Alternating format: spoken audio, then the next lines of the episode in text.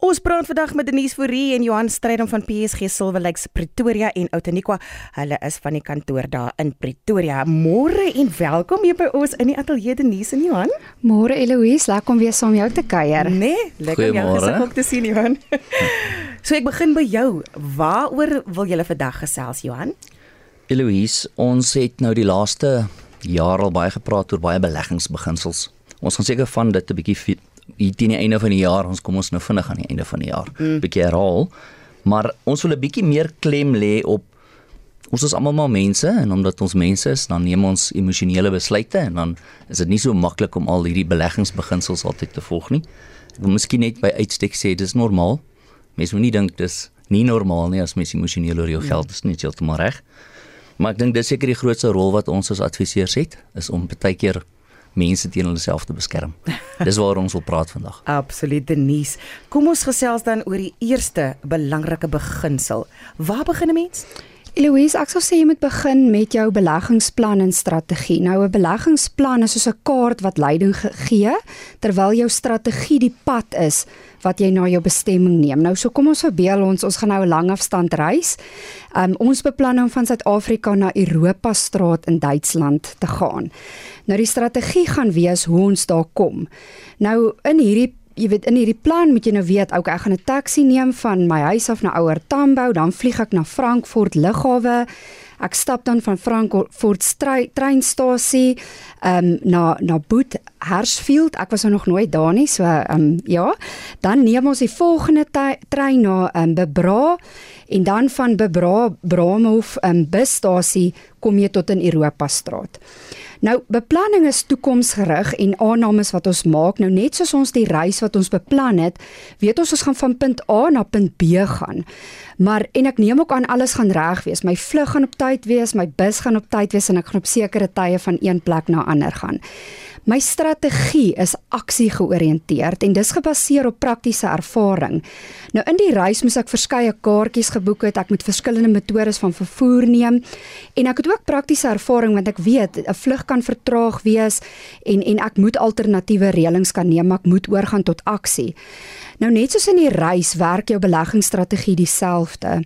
Ons begin die plan om 'n kontantvloei analise saam met die kliënt te doen. Nou Johan spot my altyd en sê ek is gekroon as my juffrou kontantvloei, maar dit is so belangrik um, as deel van jou besluite. So kliënte verstaan nie altyd hoekom vra ons by die intrap um, slag so baie vrae. Hoekom wil ek weet hoeveel keer gaan jy jou voertuig in aftrede vers, um, vervang?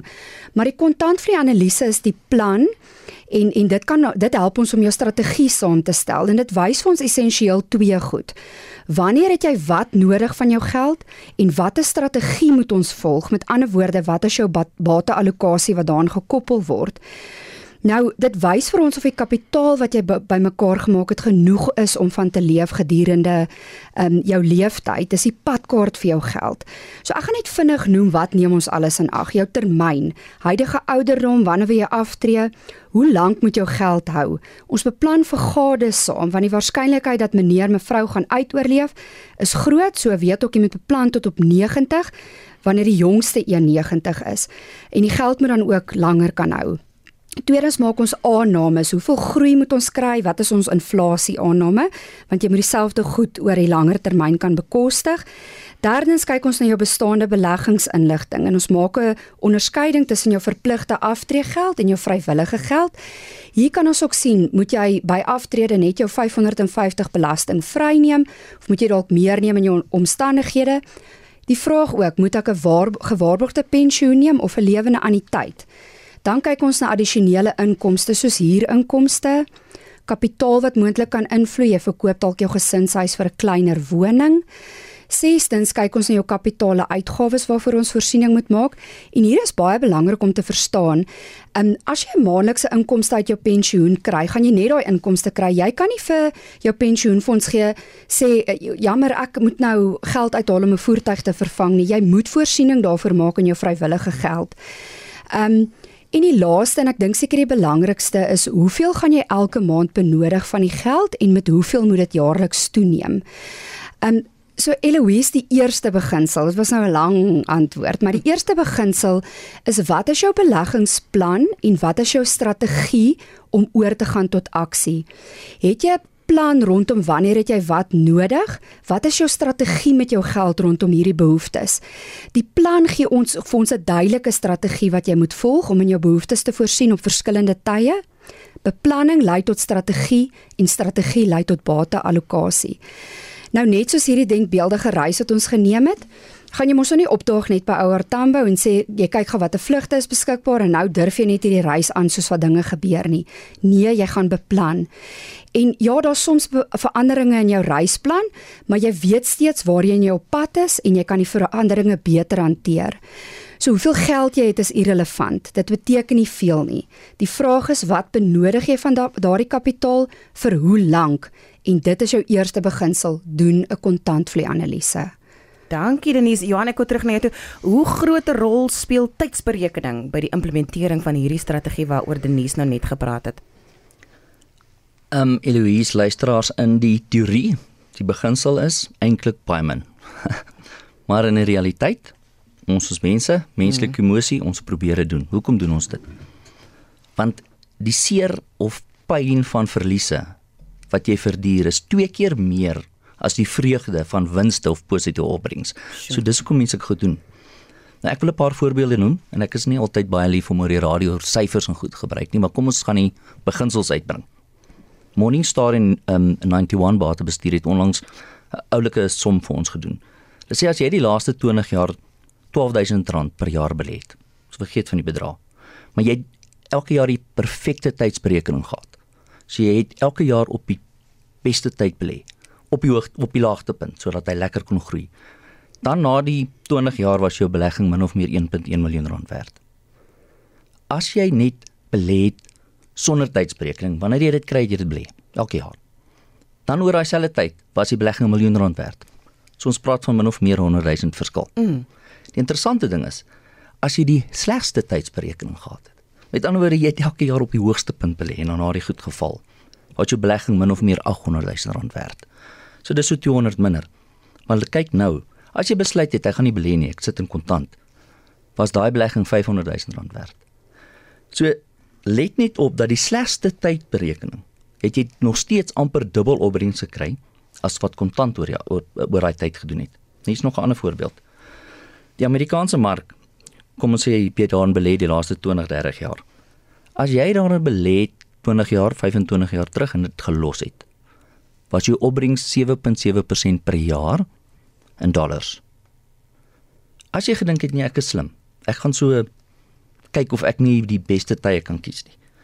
As jy net die 5 beste dae van elke jaar gemis het, was daai oor daai tyd jou opbrengs minus 6%. So van 7% per jaar na minus 6 toe omdat jy nie die tyd reg gehad het nie. Miskien 'n laaste voorbeeld rondom dit. Ons almal weet van die finansiële krisis. Ehm um, destyds in 2008 met die banke wat aanhou lenings gee terwyl eiendom opgegaan het ja. en op die einde toe val eiendom tussen die banke met die skuld. Het die mark verskriklik geval. Voorbeeld as jy R20000 net voor die mark belê het, voor die mark geval het belê het. En jy het dit daar gelos tot nou toe 2022 gesê dit is nou daar gaan maar deur die mark nou gaan dit aan. Was daai belegging 120 000 rand. As jy gesê het ek kon trek want ek was bang ek het paniek geslaan toe die mark geval het. Ek gaan 'n jaar wag, dan gaan ek terugklim. Net 'n jaar. Dan was jou belegging 80 000. Hmm. Klaar 30 000 minder. Sjoe. As jy gesê het luister ek hou dit maar in kontant, ek gaan nou maar net aangaan. Ek weet nie wanneer om terug te gaan nie. Ek probeer my tydsberekening regkry, ek kry dit nie reg nie. Was dit 50 000 rand weer eens die helfte, meer as die helfte net omdat jy tydsberekening. Miskien net 'n goeie staaltjie vinnig. Een van ons kollegas vertel dat ehm, 'n um, kliënt, oud onderwyser, oom, hy's nou 82 jaar oud, het gebel en gesê hy wil 'n bietjie gesels oor sy portefeulje. En hy vertel toe dat toe hy begin het as onderwyser, het hy nou elke jaar 'n bietjie oorskot inkomste weggesit. In die markte weggesit. Nou as jy gaan dink van 1960 af tot nou, die mark het verskeie kere geval met ja. meer as 20%. Ons het gevalle gehad waar hy ek wil nou kom ons praat van onlangs so goed die COVID val. 2008 waarvan ek nou gepraat het. Die oom het net nie panieker geraak nie. Hy het gesê ek los die geld, ek gaan aan. Wie wat 'n interessante ding op hierdie oomblik verdien daai oud onderwyser 4 miljoen rand 'n jaar uit dividende. Nee. Wie wat is die grootte van sy portefeulje? 215 miljoen rand. dit kan gedoen word. 215 miljoen rand. Wat hy 'n dividend kry van 4 miljoen per jaar, net omdat die oom besluit het ek belê en ek bly daar. Wat is die les? Die waarde lê nie in tydsberekening nie, maar wel in die beginsel dat saamgestelde rente, met ander woorde groei op groei, die agste wonder van die wêreld is. Bly dus in die mark. Hmm. Daar's weer 'n lang antwoord, jammer Rena. Ja. Daar is genoeg data wat vir ons wys dat tydsberekening eintlik ons benadeel in ons beleggingsbesluite. En M&G Batebestuur het onlangs syfers gewys wat hulle sê oor tyd kan dit tot 2% per jaar jou kos. Met ander woorde, die fonds doen 'n sekere persentasie. Jy wat besluit wanneer is die regte tyd om die fonds se tydsberekening te doen, gaan 2% per jaar oor tyd minder doen. Nou Hoekom wat doen ons gewoonlik? En ek wil dit is natuurlike goedie. Ek wil einde van die jaar is nou Desember, ons sit by die see en nou kyk ons na ons portefeulje. Nou begin ons kyk en sê maar watter ouens het nou goed gedoen en watter nie. Nou gaan ons bietjie uitgooi en bietjie insit. Interessant en ons belê gewoonlik wat ons noem laaste jaar se honors. Ek net hier 'n voorbeeld. Vat 'n batebestuurder, gaan nie sy naam noem nie. Ons sê kyk so na 10. 2010 was hy so in die middel van die bondel. 2011 was hy derde laaste. Teen 2014 was hy nommer 1. 2015 nommer 1. 2016 was hy tweede laaste. Ek wil lekker so aanhou. Ek kan aanhou vat. Hy het begin 2010 heel laaste. 2011 was hy heel bo. Uiters. 2012 weer laas, tweede hmm. laaste. Die punt is dis nie so maklik om te gaan en te probeer kies nie. En die belangrike ding, die inligting wat tot ons beskikking kom. Ons as leuke. Onthou, inligting oor beleggings gebeur oral gebeur deesdae vinnig. So wanneer jy weet wat die inligting is, het die mark en die analiste dit klaar verwerk. So ek wil afsluit. Doen wat Denise gesê het. Maak seker jy het 'n adviseur, het 'n plan en 'n strategie saam met die adviseur en jy implementeer daai um, strategie en jy hou by daai plan. Dis die stem van Johan Strydom van PSG Silverlex Pretoria en Outeniqua. Hy is hier saam met Denise Fourie. Ons gesels finansies, belegging, beginsels teenoor beleggers se emosies. Denise, ek kom terug na jou. Jy het in die verduideliking van die kontantvloei ontleding gepraat van groei. Hoe bepaal jy watter groei iemand kry of moet kry as 'n mens by aftrede kom? Beheer jy net alles uh soos 'n osserie matras of speel jy veilig? Hoe werk dit? Wat die beginsels hier? Eloise, um, ja, groei is 'n baie belangrike beginsel, maar ek moet sê dis 'n dis 'n ding wat moeilik verstaan word. So jy as belegger moet verstaan groei kom nie in 'n reguit lyn soos Johan nou gesê dit beweeg op en af. Jy moet dit oor langer termyne meet. Um verstaan wat is groeibates? Dis nie kontant nie. Jy moet meer as een bateklas in 'n portefeulje hê. Nou met die daar's 'n baie belangrike verhouding tussen groei en inflasie. So ek gaan praat van werklike groei. Ehm um, nou kom ek plaas groei bietjie en die impak van inflasie beter in, in perspektief. Nou onthou ons dink langtermyn hè. So inflasie um, weet ons as die prys waarteen goed duurder raak. So kom ons neem dit aan 'n 6% oor langer termyne. As jy na groei kyk, beteken dit dat die eerste groei in aanhalingstekens wat jy moet kry is 6% om net dieselfde mandjie goed in die volgende jaar te kan koop. So as jy 6% groei gekry het, breek jy nou gelyk en dit werklik het jy nou niks gewen nie. So onthou nou, ek gaan weer sê, onthou wat is werklike groei. Dis hoeveel jy meer as inflasie gekry het. Dis die werklike opbrengs wat wat jy dan nou gekry het. Nou kom ek verduidelik dit prakties en soos Johan ook gesê, dis moeilik om oor die radio syfers en presentasies te sê maar ons gaan dit kom neer op die beginsel. So inflasie is 6%, jou belegging het met 10% in die gegeewe jaar gegroei. So dit beteken jou belegging het werklik met 4% ge gegroei. Nou begin jy inkomste trek uit 'n portefeulje. Hoe werk dit dan?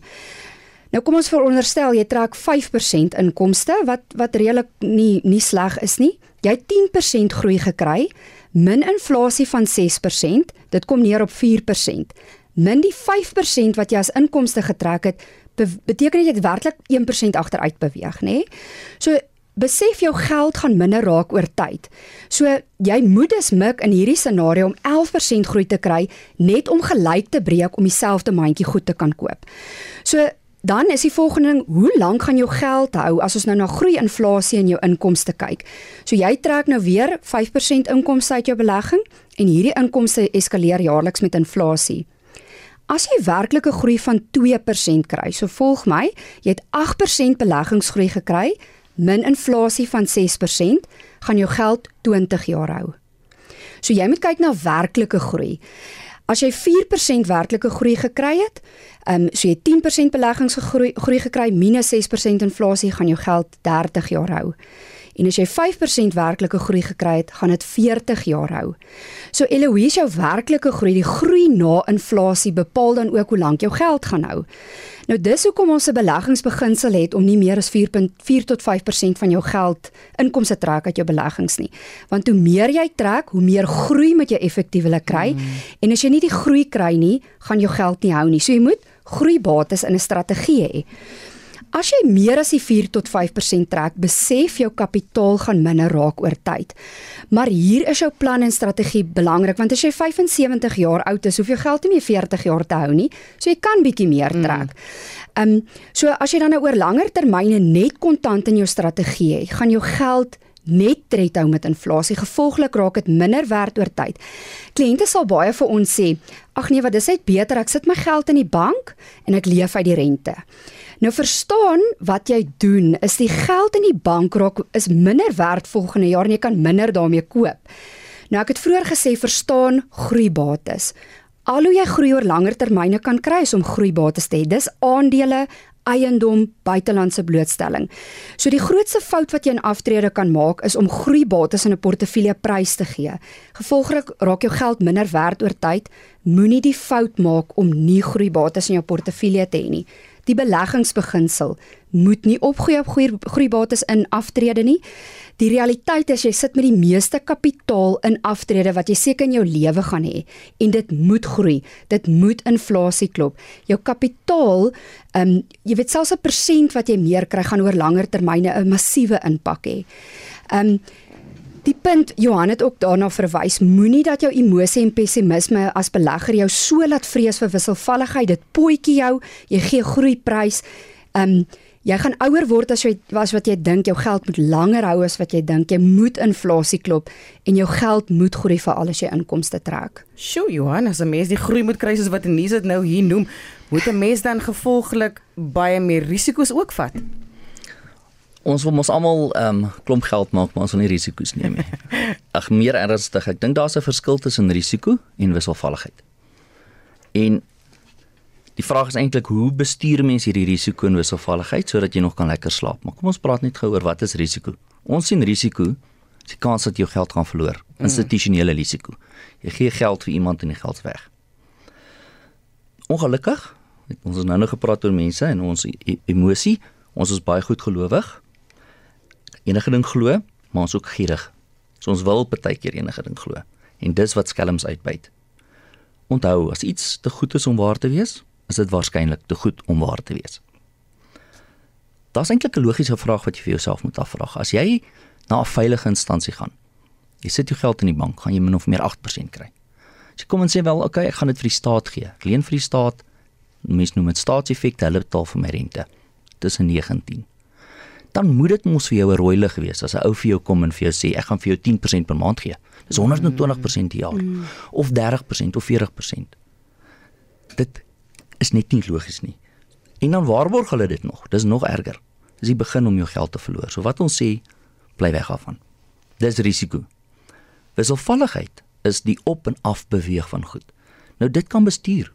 Ons bestuur dit sodat jy lekker kan slaap, maar seker maak dat jy steeds in die toekoms kan lekker eet. Met ander woorde, soos Denise gesê het, jy groei ou tred met inflasie of is beter as inflasie. Hoe bestuur ons hierdie wisselvalligheid vinnig? Die woord diversifikasie. Ons almal ken hom. Maar ons weet nie altyd noodwendig wat dit beteken nie. Dit beteken moenie al jou geld in een bateklas belê nie. Ons het nou nog gepraat van eiendom en aandele en kontant. Dis nie alles op een plek nie. Moet nie al jou geld in een land belê nie. Al is ons so lief vir ons land. Dis 'n derde wêreldland. Ons moet daai verspreiding doen.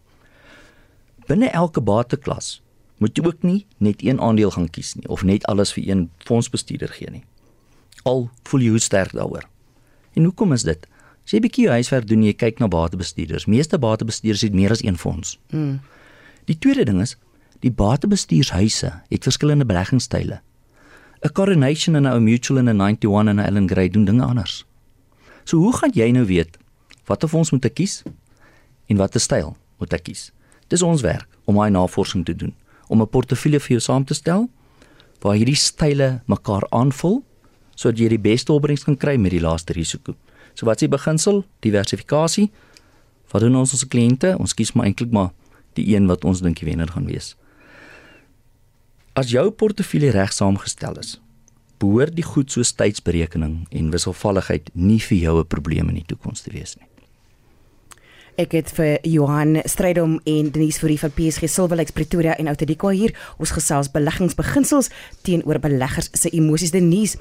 Jy het vroeër genoem een van die besluite as jy by aftrede kom moet besluit tussen 'n gewaarborgde pensioen en 'n lewende annuïteit. Kry jy baie vrae hieroor en hoe vergelyk jy twee? Ja, ons kry baie vrae daaroor veral omdat ehm um, koerse nou hoog is. Ehm um, maar ehm um, jy weet staatsamptenare kan ook mooi luister want as jy by die GPF aftree as as te ware gee die kry jy gewaarborgde anniteit en die en die staat is jou waarborgverskaffer. So vinnig die twee vergelyk.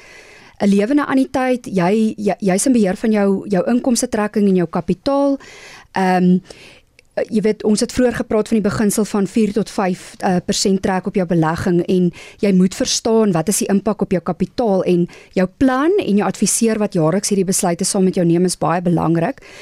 Ehm um, nou lewende anniteite se kapitaal se groei en beweging word gekoppel aan die onderliggende bates en dit maak kliënte altyd die jy weet die die bangste en emosioneel. Maar hier is dit baie belangrik deeglike beplanning soos Johan verduidelik het diversifikasie in die samestelling van 'n portefeulje is hoekom jy adviseer moet hê moenie te konservatief belê nie. Weet ook 'n lewende anniteit val nie onder die reëls van die pensioenfondswet en regulasie 28 nie. Jy kan 100% in die buiteland hê as dit jou strategie is en jy kan ook binne 'n lewende anniteit plaaslike en buitelandse aandele bou. Dit verlaag ook koste. Met 'n gewaarborgde anniteit word daar kwotasies aan die begin getrek wat jou wat jou inkomste en jou eskalasie van jou inkomste bepaal. Nou hier is 'n magdom van verskillende ehm um, opsies wat jy kan neem. So 'n belangrike faktor is hoe jou inkomste jaarliks eskaleer. So as jy 'n inkomste kies wat 0% eskaleer, gaan jou inkomste hoër wees aan die begin. As jy 'n inkomste kies wat met inflasie eskaleer, gaan dit bietjie laer wees. Verder, jy kan baie goed hier in ag neem. 'n Gewaarborgde termyn, het jy meer as een versekerde um, annuitant ensovoorts. Die punt wat ek hier wil maak, dis gevaarlik om 'n artikel te lees wat sê jy's nou 60 jaar oud en jy het 5 miljoen en jy kan 30000 rand per maand se inkomste kry. Die vraag is hoe is daai kwotasie saamgestel en seker meer belangrik pas dit by jou plan. Ehm um, want jy kan nie net in die inkomste vaskyk en dan nou sê, maar ek het 5 miljoen kapitaal, maar ek kry nie 30000 rand nie. Dan net vinnig by dood 'n lewende anniteit is nie 'n bate in jou boedel nie en die kapitaal kan jy aan enige begunstigde bemaak. 'n Gewaarborgde anniteit hang dit ook af hoe hy gestruktureer is of daar enige kapitaal dan nou aan die einde aan iemand bemaak kan word. Nou dis baie daar's baie goed om te oorweeg. Die bottom line soos die Engelsman sê is oorweeg dit deeglik met behulp van 'n adviseur. Jy vergelyk nie eintlik 'n appel met 'n appel nie. En dan wil ek terloops ook net sê jy kry 'n kombinasie van die twee wat ook in baie situasies goed werk. So jy kry iemand wat jou kan help om die opsies te oorweeg. Johan en die belasting, hoe neem jy mes dit in ag? Eloise, ek sien die tyd loop vinnig uit, mm. so ons gaan uh, vinnig 'n paar belangrike dinge nog sê. Belasting is 'n is 'n natuurlik is dit 'n belangrike ding by beleggings. Ehm um, niemand van ons wil onnodig belasting betaal nie. So as ek my geld kan belê op 'n manier wat dit vir my belastingvoordelig, hoekom sal ek dit nie doen nie? Net vinnig, daar's eintlik twee potte geld of twee tipes geld. Ons noem dit diskresionêre geld. Geld wat jy klaar belasting betaal het, jy kan dit belê, jy kan dit onttrek, jy kan doen daarmee wat jy wil. Tweedens aftreefondse. Daai geld is op 'n bietjie paar reëls. Hoe die belasting werk op hierdie diskresionêre geld. Jy betaal hoofsaaklik belasting op die groei. Dis ja. in beginsel. Dis ja. waar hulle nou kapitaalwinsbelasting en so aan doen. Belangrike ding is jou diskresionêre geld is deur van jou boedel vir boedelbelasting. Jou aftreegelde betaal jy binne die produk geen boedel ag inkomstebelasting nie. Maar as jy dit vat, dan betaal jy inkomstebelasting. Terwyl dit in die produk is, is dit ook nie deel van jou boedel vir boedelbelasting nie. So wat sê ek eintlik? Mens kan beplan watter van hierdie twee potte moet jy hoeveel uitvat sodat dit uit 'n belastingoogpunt vir jou beter werk. Ons kyk soms ook om te sê hoe kan ek dalk geld van die diskresionêre pot waar daar boedelbelasting ter sprake is kan oordra na die aftreefondse op die regte manier waar daar nie boedelbelasting mm. dan kan ek die boedel kleiner maak. Mense wat trust het, maatskappye het, daar moet ons ook dinge in ag neem. So belasting speel 'n groot rol. Elke situasie is anders, maar ou moet maar daarna kyk. 5 minute voordat ons by die Spectrum span aansluit. Dankie Denise en Johan. Dit was aan Denise Fourie en Johan Strydom van PSG Silver Lakes Pretoria en Outeniqua Denise. Wie moet julle kontak as hulle na die gesprek geluister het en waar kan julle gekontak word? Ja, Eloise, um, ek ek wil 'n gela, laaste gedagte los. Jy weet, ons het nou magdom beginsels en reëls um, neergesit, maar daar is nie 'n one size fit all benadering nie. Moenie jou ore by die braaivleisvuur uitleen. Dink wat jou buurman doen gaan vir jou werk nie. Praat met iemand soos ons wat werklik al jou opsies kan oorweeg. Ehm um, so wie kan ons kontak? Dit dit is enige iemand wat 'n uh, beleggings het, maar spesifiek in hierdie gesprek is dit ehm um, is jy nie seker oor jou plan nie en wonder jy of jou kapitaal genoeg is om in jou aftreebehoeftes te voorsien? Is jy voor of reeds in aftrede en jy wil seker maak of jou geld gaan hou? Jy wil seker maak of jy in die regte bates belê is vir jou strategie? Kry jy bo-inflasie groei? Jy dink jy is dalk te konservatief en wil jou beleggings en jou bate allocasie laat heroorweeg? Jy wil dalk net 'n tweede opinie kry soos Johan gesê die tyd van die jaar wonder jy maar oor 'n paar goed. Jy wil kyk na kostes, jou beleggingsbeginsels en bietjie jou portefeulje heroorweeg. Dan kan ons gekontak word, um, soos jy gesê het, ek is Denise Fourie en my kollega is Johan Strydom. Ek gaan sommer net my kontak besonderhede gee as jy nou spesifiek met Johan wil praat, dan sal ek jou na hom toe verwys.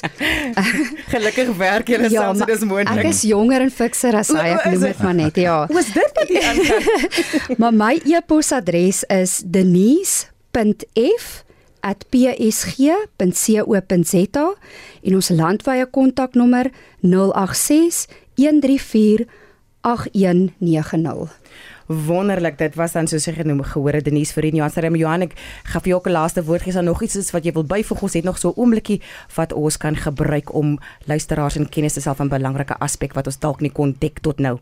Ek dink die boodskap is fokus op dit wat jy kan beheer. Met ander woorde, hersien jou doelwitte.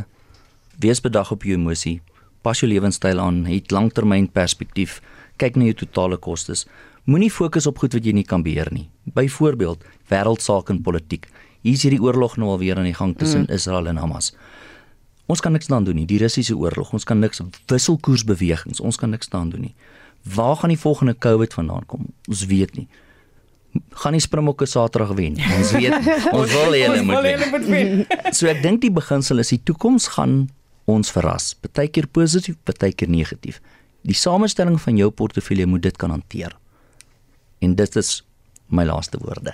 Denise is daar baie keer mense wat verstom is dat hulle na julle raad geluister het en soos daai 82 jarige onderwyser in 'n beter plek gesit het as wat hulle ooit sou kon dink. Wel Eloise die die realiteit is um tyd is jou vriend in in in ons wêreld. Um so jy, jy weet ons sê altyd begin vroeg spaar, doen die regte dinge van van vroeg af. So daai oom wat Johan verduidelik het het het van 1960 af die regte ding gedoen. So dit dit is nie vir jou te laat as jy al ouer is nie. Dis nie wat ek sê nie. Jy jy kan nog baie wen. Selfs 10 jaar, 5 jaar kan jy groot verskil maak. So ehm um, ja, die ding is neem nou die besluit. Maak nou die besluit en soos Johan gesê het wat jy in beheer het, ehm um, neem neem die regte besluite daaroor. Die stemme van Denise Forrie Johan Strydom van PSG Silver Lakes Pretoria en Oute Niqua